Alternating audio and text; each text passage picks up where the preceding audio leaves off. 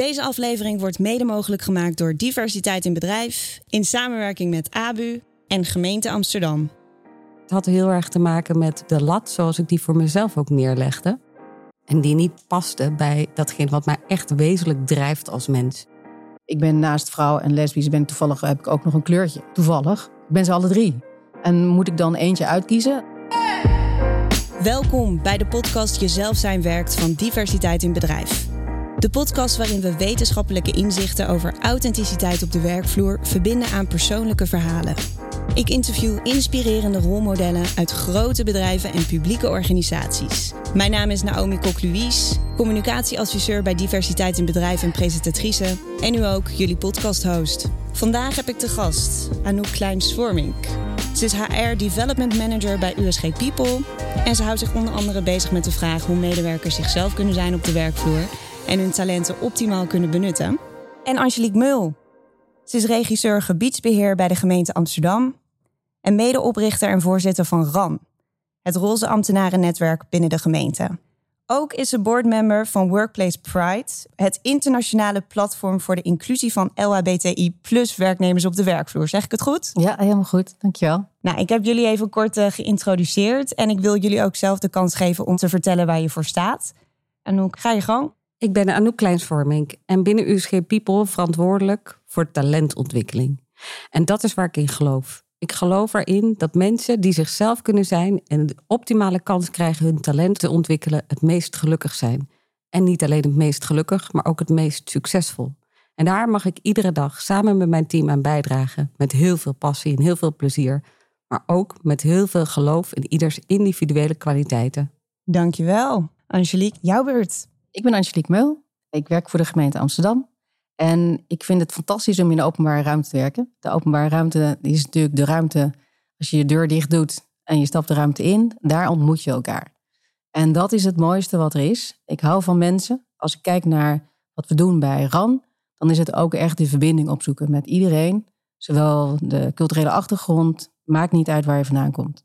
En dat is eigenlijk het allerbelangrijkste. Dank jullie wel voor de mooie woorden. We gaan vandaag in op de effecten van authenticiteit op de werkvloer. En dat doen we aan de hand van een interview dat ik heb afgenomen met professor Taris. Hij is hoogleraar arbeids- en organisatiepsychologie aan de Universiteit Utrecht. En ik heb hem dus geïnterviewd over het thema authenticiteit op de werkvloer. Voordat we beginnen met het eerste fragment, wil ik jullie eerst de vraag stellen wie jullie rolmodel is. Anouk, zou jij dat als eerste willen toelichten?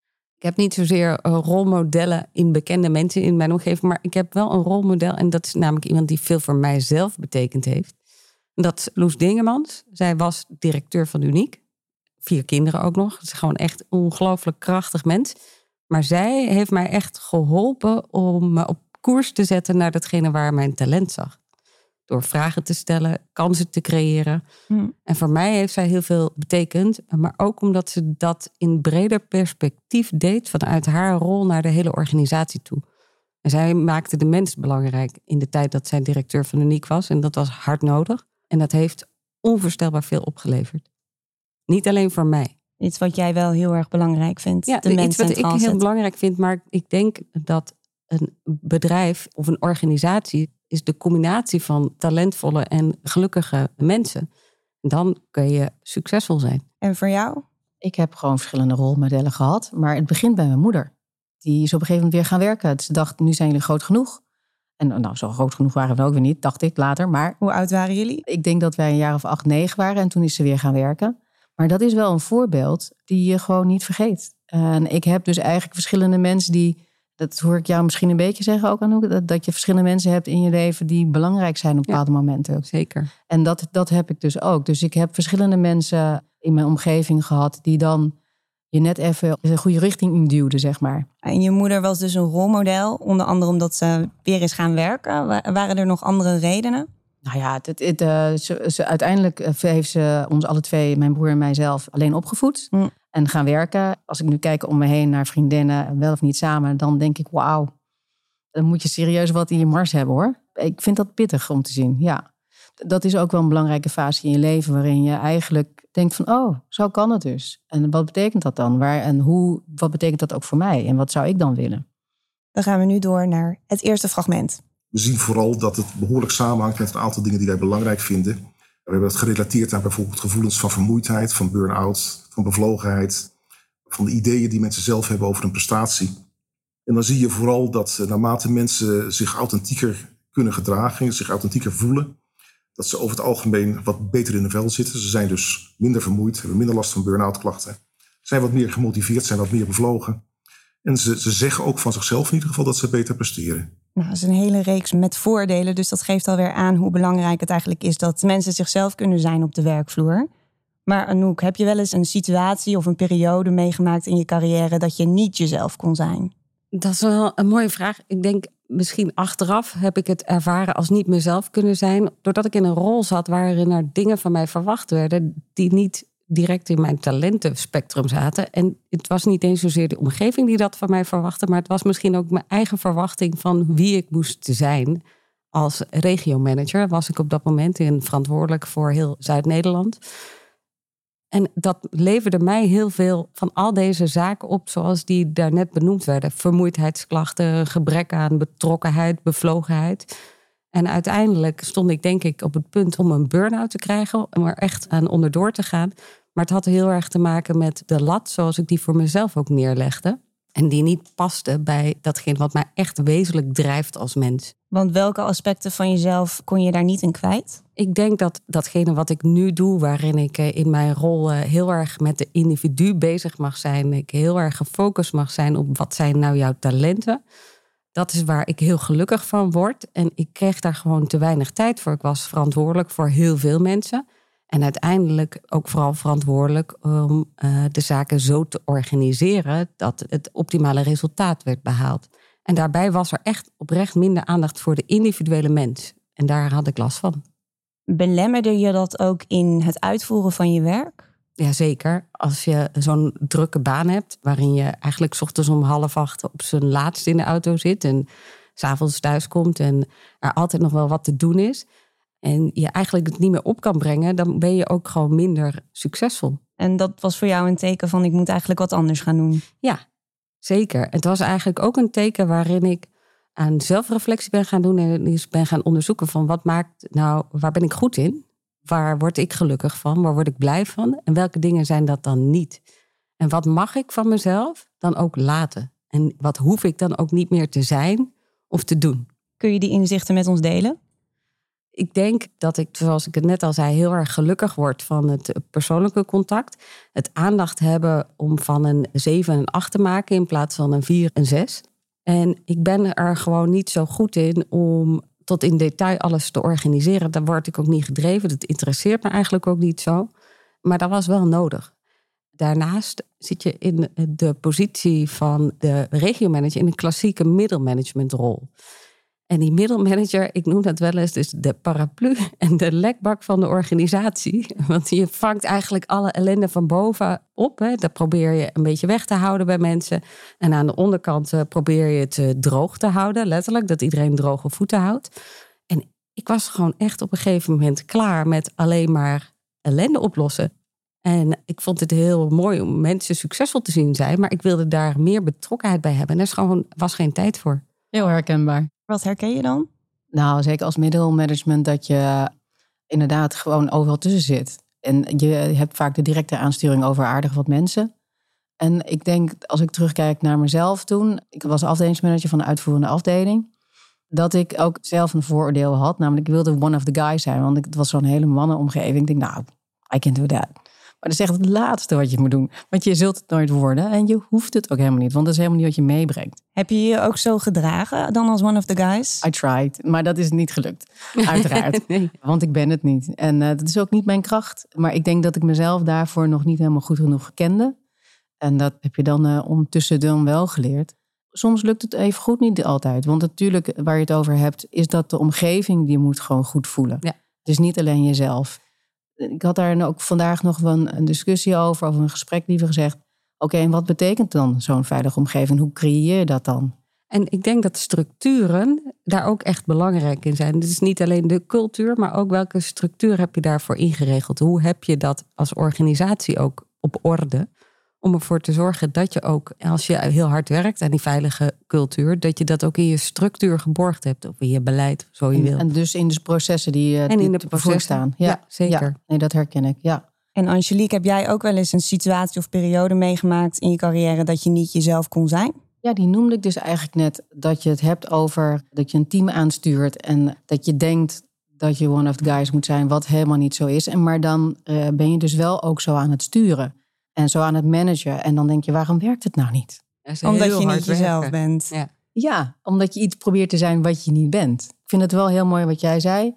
Dat je dan gaat, nagaat bij jezelf. Oké, en wa- wat wil ik dan wel zijn? Of wat ben ik? En eh, vooral ook dat wat je, wat je dus niet bent. Want dan hoef je dan geen energie meer in te steken. Maar dat duurde bij mij wat langer gewoon. Omdat ik denk, nou, dit kan ik toch. Nou ja, maar dat is natuurlijk ook best wel ingewikkeld om te zeggen: hier ga ik nooit echt heel erg goed in worden. En dit blijft mij, als ik dit blijf doen, tot in de einde der dagen echt ongelooflijk veel energie kosten. En dan heb ik te maken met allemaal energielekkages, waardoor ik gewoon niet vooruit kom. En niet alleen ik, eigenlijk misschien wel net zo erg, ook de mensen niet waar Ja. je verantwoordelijk voor bent. Ja. Dat, dat ging mij op een gegeven moment echt nog misschien wel het meest opbreken. Dat ik dacht, van, ja, ik zou echt het verschrikkelijk vinden als ik mijn eigen manager was. Ja, en, en, en wat je zegt als het gaat over dat het vooral je team ook betreft. Het is echt een wisselwerking. Ja. Daar gaat het ook lekker. Dus in die zin, eh, de energie die lekt weg. De motivatie, hoe je met elkaar omgaat. Wat eerst eigenlijk best wel rustig en eh, goed was. Dat wordt misschien wat meer gespannen. Dus dat is ook wat je zeker niet wil. Nee, absoluut niet. Dus eigenlijk hoor ik twee dingen. De omgeving is heel erg belangrijk waar je in zit. Dus dat dat aansluit eigenlijk bij wie je bent. Ja. Maar ook datgene wat je doet, dat dat aansluit bij je talentenpakket. Ja, zeker. En ook wie moet je van jezelf zijn? Dat vind ik echt een ontzettend belangrijke in authenticiteit. Ik heb ooit van een heel wijs iemand geleerd dat moed is het willen van een ander. Dus als je bedenkt, ik moet van mijzelf deze persoon Mhm. zijn, ja, dan wordt het eigenlijk heel hard werken en kost het ook echt extreem veel energie. Nou ja, en als, als je zegt, want ik ben het 90% mee eens, maar soms weet je gewoon nog niet zo wat je wil. Dus dan is het moeten meer ook een soort drijfveer. En als je er dan achter komt dat het eigenlijk best oké is, Ja. prima. Ja, maar dit is wel het onderzoeken waard. Maar hoe ga Ja. ik van dat moeten mijn eigen willen maken? Of zijn, ja. Ja, zeker. Dat is Mooi. de ultieme vorm natuurlijk. ja. En Angelique, jij hebt dan het eh, medewerkersnetwerk RAN opgericht. Draagt dat er ook aan bij dat je meer jezelf kan zijn op de werkvloer? Nou, ik had het eigenlijk opgericht omdat ik er juist helemaal geen probleem mee had. Ik ben lesbisch en eh, dat was echt nooit een issue. Nooit gemerkt. En ik kwam juist voorbeelden tegen bij het organiseren van de boot. Ik zeg altijd de bootborrel beleid, waar we nu ons mee bezighouden. Mhm. is dat ik daar voorbeelden tegenkwam van collega's dat ze dat dus niet konden zijn. Dat ze eigenlijk als zich als eerste hadden opgegeven voor eh, de boot om mee te varen. En dat diegene nog nooit naar de repetitie gekomen is, omdat die gewoon niet durfde vanwege effecten vanuit de afdeling. En nou was het haar aanname, dus ik weet niet of het gebeurd is, maar het feit dat ze dat denkt, dat ze dus de onveilig is, dat soort ja, zaken dacht ik van nou, dat, dat kan ik me niet voorstellen. Dus daar wil ik heel graag wat aan doen. Mooi dat je dat gedaan hebt. Dat vind ik echt heel bijzonder. Dat, eh, ondanks het feit dat je er zelf geen last van had of issues mee had, dat je dat wel gedaan hebt. Dat vind ik echt Ja. bewonderingswaardig. Het, het was ook, de wereld veranderde vanaf eh, 2012 tot nu is het enorm aan het veranderen als het gaat over homoseksualiteit en alles wat ermee speelt, LHBTI plus doelgroepen, zeg maar. Van eigenlijk de gay capital Amsterdam naar, nou ja, waar kunnen we de straten nog goed vinden, zeg maar. Ja. Maar eigenlijk gaat het dus gewoon echt over belangrijke punten waarvan ik vind dat, dat ik, ja, als we het in Amsterdam niet kunnen regelen, waar dan wel? Wanneer is het eh, netwerk opgericht? Ja, we hebben er eigenlijk over gesproken in 16 en eigenlijk hebben we hem in 15, sorry, en in 2016 hebben we hem daadwerkelijk opgericht.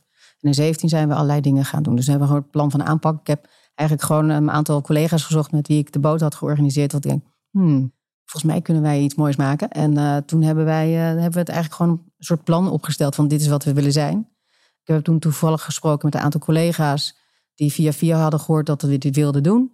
En toen hebben we een eerste over een bijeenkomst georganiseerd in het eh, stadsarchief. Want die afdelingsmanager had budget om dat te doen. Toen hebben we eigen legitimiteit opgehaald vanuit de organisatie. En er kwamen iets van 50 mensen op af. Eigenlijk wat, vooral wat jongere mensen en wat boven de 50 mensen, zeg maar. En dat, dat was ook heel mooi om te zien. Dat Als je het aan de jongere mensen vroeg, zeiden ah, we hebben echt helemaal geen netwerk nodig, dat is helemaal niet belangrijk. Want ja, we kunnen toch zijn wie we zijn. En Ja. toen zeiden de mensen boven de 50, ja, en hoe denk je nou dat dat komt? Je moet hier aandacht aan blijven besteden. Dus toen hadden we legitimiteit en we hadden ook een hele mooie discussie. En we hadden ook een hele mooie ingang bij heel veel mensen in één keer. Dus dat was echt, nou, de gouden greep, zeg maar. En welk verhaal is jou het meest bijgebleven? Mij is het meest bijgebleven iets wat me persoonlijk overkomen was. Tijdens het organiseren van de boot. In het kort komt erop neer dat we eigenlijk zeggen... als je tot de doelgroep behoort, dan sta je op de lijst... en anders sta je op een soort reservelijst. En ten tijde van het opgeven bleek dat er een collega was... en die voelde zich gediscrimineerd... omdat we eigenlijk de vraag stellen per mail... van goh, behoor je de doelgroep of niet? Doen helemaal geen research. Het is gewoon wat je antwoordt, that's it. Dus als jij zegt ja, dan sta je dan op die eerste lijst... en nee, dan sta je op die reserve. En zij antwoordde nee. En eh, toen kreeg ik een hele discussie over de mail met haar. En uiteindelijk kwam dat uit dat ze zich heel erg verwant voelde en commitment had aan alles wat er omheen speelde. En dat ze zich gediscrimineerd voelde, dat ze dus niet direct op de lijst kwam. Ja. En toen heeft ze een klacht ingediend van discriminatie tegen mij. En dat kwam zo hard binnen dat ik Ja. dacht, nou, wat, wat gebeurt hier? De klacht is niet ontvankelijk verklaard, maar het heeft me wel aan het denken gezet. En we hebben hier ook direct wat mee gedaan, namelijk dat we op de boot het jaar daarop, want we waren al te ver in het proces, Gay Straight Alliance hebben opgericht. Namelijk dat je eigenlijk zegt, fantastisch dat ze dat zo voelt. En jammer dat we daar dan niet iets mee konden doen, maar nu wel. En dat betekent dat we gezegd hebben, oké, dan ga je als stel op de boot, zeg maar, als koppel. Ja. En dan vertel je wel waarom je graag op die boot wil en als koppel. Dus dat je iemand van de doelgroep neemt en eentje van niet-doelgroep. En dan eigenlijk, dat verhaal hebben we ook gecommuniceerd de organisatie. En dan kreeg je hele mooie discussies. Maar Ja. ook hele mooie reacties. En nou, dan stond je dus eigenlijk wel direct op de boot. Je hebt direct commitment. En je hebt een verhaal ook in je organisatie. En dat is eigenlijk misschien ook wel het ultieme effect wat je wil bereiken. Dus dat je niet alleen maar de doelgroep nodig hebt, maar ook supporters van de doelgroep. Het is niet eens sporters. Het is eigenlijk eh, dat je gewoon samenleeft. Ja. Dat, je, dat je het samen doet, dat je samen ergens voor staat. Dat denk ik. Want het gaat, als je elkaar support, dan zit er nog een soort afhankelijkheid in. En het, die afhankelijkheid, daar gaat het eigenlijk niet over. Ik ben naast vrouw en lesbisch, ben ik toevallig, heb ik ook nog een kleurtje. Toevallig. Ik ben ze alle drie. En moet ik dan eentje uitkiezen? Want nu kies ik vooral, en misschien zeg ik over tien jaar van, nou weet je, ik kies voor het culturele ambtenarennetwerk, want daar ligt nu mijn drive. Dus dat is juist waar ik denk dat het goed is dat je een eigen netwerk hebt en dat je de eigen belangen verdedigt en daarvoor opkomt en dan ook dingen aanwijst waar je echt op wil inzetten, want dat is echt wel wezenlijk. Mhm. Maar het gaat wel over wat ben je dus allemaal nog meer. En hoe vind je dan dat dat werkt met mensen? Hè, jij zegt het zelf, hè, ik ben een vrouw, ik heb een kleurtje en ik ben lesbisch. En de mensen die het allemaal niet zijn, zit daar niet, als we allemaal netwerken krijgen, het risico dat die zich niet gekend of niet gehoord voelen? Hoe kijk je daarnaar? Ja, die herken ik wel, want dat wordt vaak binnen de politie gezegd. Daar hebben ze natuurlijk heel veel verschillende netwerken. Hoe verbind je die met elkaar? Ja. Maar eigenlijk door in gesprek te gaan met elkaar. We hebben als Amsterdam hebben we vooral contact gezocht met de Rotterdam, Den Haag, Utrecht. En we hebben nu heel veel contact met Rotterdam en Den Haag als gemeente. En dan hebben we dus contact met alle netwerken. Mhm. En dan heb je het over een delen van ervaringen en de situaties. Maar het organiseren samen van dingen. Mhm.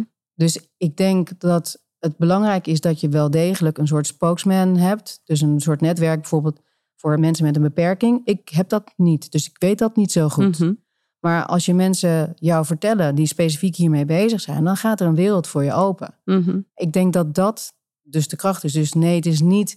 Is de ideale situatie, laat ik het zo stellen, al even omdraaien. Ja. Dat je een inclusieve organisatie bent Mhm. als het niet meer nodig is. Nee. Ideaal. Maar tot die tijd, Is het dus toch nog nodig? dat vind ik, ja. Het is tijd voor het laatste fragment.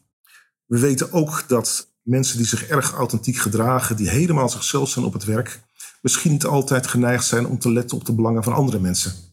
Als ik eh, bepaalde taken niet wil omdat dat helemaal niet bij mij past, omdat ze saai en vervelend zijn, zal ik misschien de neiging hebben om dat naar iemand anders toe te schuiven. Maar ja, die andere vindt dat misschien ook wel saai en vervelend. Dus dan kan ik mij hartstikke authentiek gedragen, ben ik erg blij mee, maar mijn collega heeft een pestbaan. Ja, dit vond ik een interessant fragment. Want ik had jou natuurlijk ook van tevoren even gesproken, Anouk. En wat me bij was gebleven ook, was dat je zei... je moet jezelf de belangrijkste persoon maken in de organisatie. Of Ja. jij bent de belangrijkste persoon. En toen dacht ik, laat, ja, dat kan eigenlijk ook wel een beetje egoïstisch zijn. Hoe kijk jij daarnaar? Nee, ik denk dat het juist het tegenovergestelde is van egoïstisch. Want als je goed voor jezelf zorgt, dan kan je ook goed voor anderen zorgen. Mhm. Als je die ruimte creëert. Als je niet goed voor jezelf zorgt, kan je ook niet voor de mensen om je heen zorgen. Dat is een van de redenen waarom ik vind dat je jezelf de allerbelangrijkste moet maken binnen de organisatie. Maar ook omdat je dan de keuzes gaat maken die niet alleen best voor jezelf zijn, maar ook best voor je omgeving eh, zijn. Als ze dicht bij jezelf liggen, dan kan je ook het meest excelleren in datgene wat je doet. Angelique, hoe kijk jij daarnaar? Ik vind het wel een hele mooie benadering die je geeft. Ik denk dat de nadruk hier wel inderdaad op ligt dat het niet ten koste van iemand anders moet gaan. Of het kan soms ook in verschillende fases gaan. Het is eh, een beetje een golfbeweging, denk ik. En ik denk dat als ik kijk naar, ik ben het niet helemaal eens, want dan gaat het zo uit van het negatieve, zoals nu geformuleerd werd. Ik denk dat het best is als je wel authentiek bent en dat dat alleen maar krachtiger wordt als je het wel bij jezelf houdt.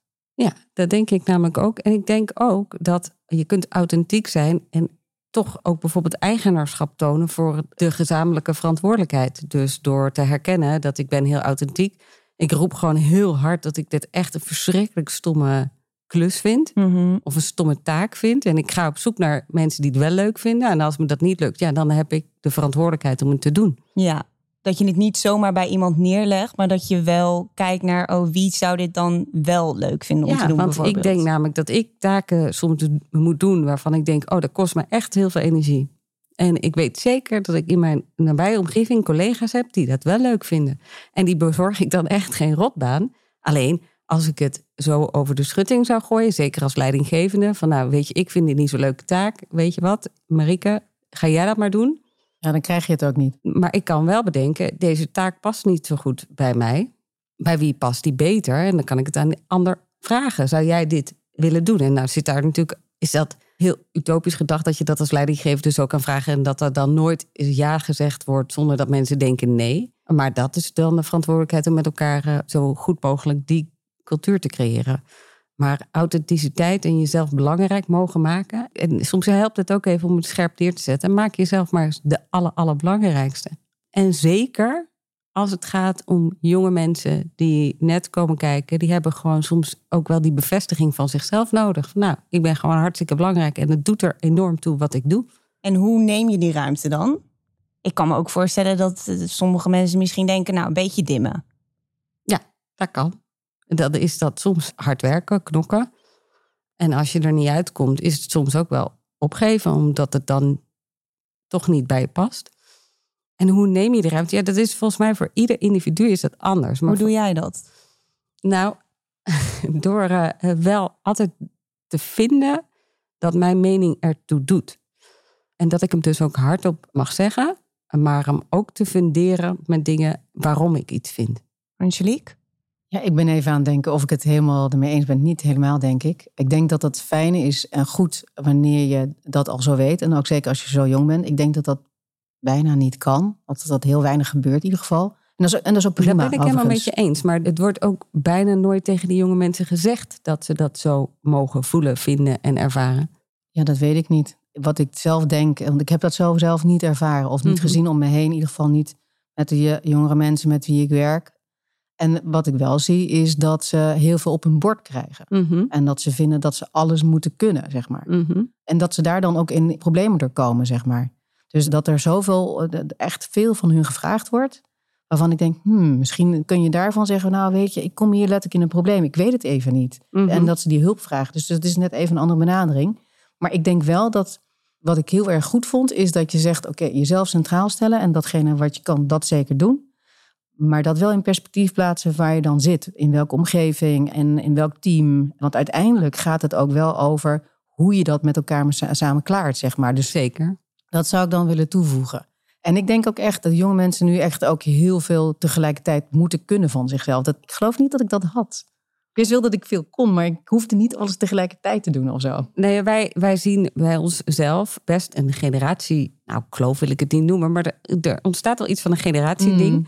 Waarin heel veel van onze nieuwe collega's, dat zijn de millennials en de Gen Z'ers, komen die arbeidsmarkt ook op. Hè? Dus de mensen die bij ons inderdaad instromen, zijn echt vaak hele jonge mensen. Die moeten ergens ook nog wel leren wat werken is. En, en die generatie leidinggevende, die komt regelmatig uit mijn generatie. Dat zijn de eiers. en die eiers die zeggen vaak, nou je moet gewoon werken. Je moet gewoon werken. En dat levert soms echt letterlijk uh, aan twee kanten kortsluiting op. Hmm. En ik ben het namelijk met je eens. Die millennial heel snel van zichzelf vindt dat hij het heel goed moet doen. En inderdaad alles. Dus niet alleen op mijn werk, maar ook in mijn privéomgeving. Ik moet ook nog heel knap slank en het hele pakketje. Het is ook, denk ik, veel complexer de wereld waar zij zich in moeten bewegen dan toen wij misschien uh, gingen werken. Anderzijds zie ik ook wel dat ze niet heel erg geleerd hebben, niet in de opleiding en soms ook niet helemaal in de opvoeding. Hoe ga ik nou om met dingen die ik niet zo goed kan? Hoe ga ik om met als ik daar dan feedback op krijg? En dus hoe zorg ik ervoor dat ik me daar soms een beetje tegen wapen, wat eelt creëer, om om te gaan met teleurstelling? Wat zou jouw tip zijn aan, aan jonge mensen om meer zichzelf te zijn? Nou, misschien toch wel echt durf jezelf belangrijk te maken. En vanuit het feit dat je van jezelf durft geloven dat je belangrijk bent, ga ook op zoek naar waar word ik nou echt gelukkig van? En wat zijn dan mijn talenten? En waar word ik door gedreven? En past de situatie waar ik me in bevind zo? Passie daarbij? En zo niet, kan ik ervoor zorgen dat ik daar iets in doe, dat het beter bij me gaat passen? En zo niet, kies dan voor jezelf, maar wel bij voorkeur in die volgorde. Ja, en ik zou daaraan toe willen voegen, geef jezelf daarin wat tijd. Het hoeft niet morgen. Mm, Of overmorgen hoeft ook niet. Of volgend jaar mag ook nog rustig gaan.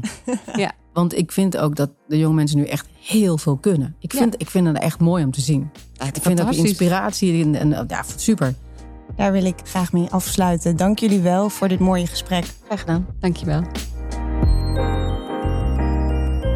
Bedankt voor het luisteren naar de podcast Jezelf zijn werkt. Vond je het een goede aflevering? Vergeet dan niet de podcast te volgen in je favoriete podcast-app. Deze podcast is gemaakt voor Diversity Day. Dat is de dag waarop bedrijven in Nederland de kracht van diversiteit vieren.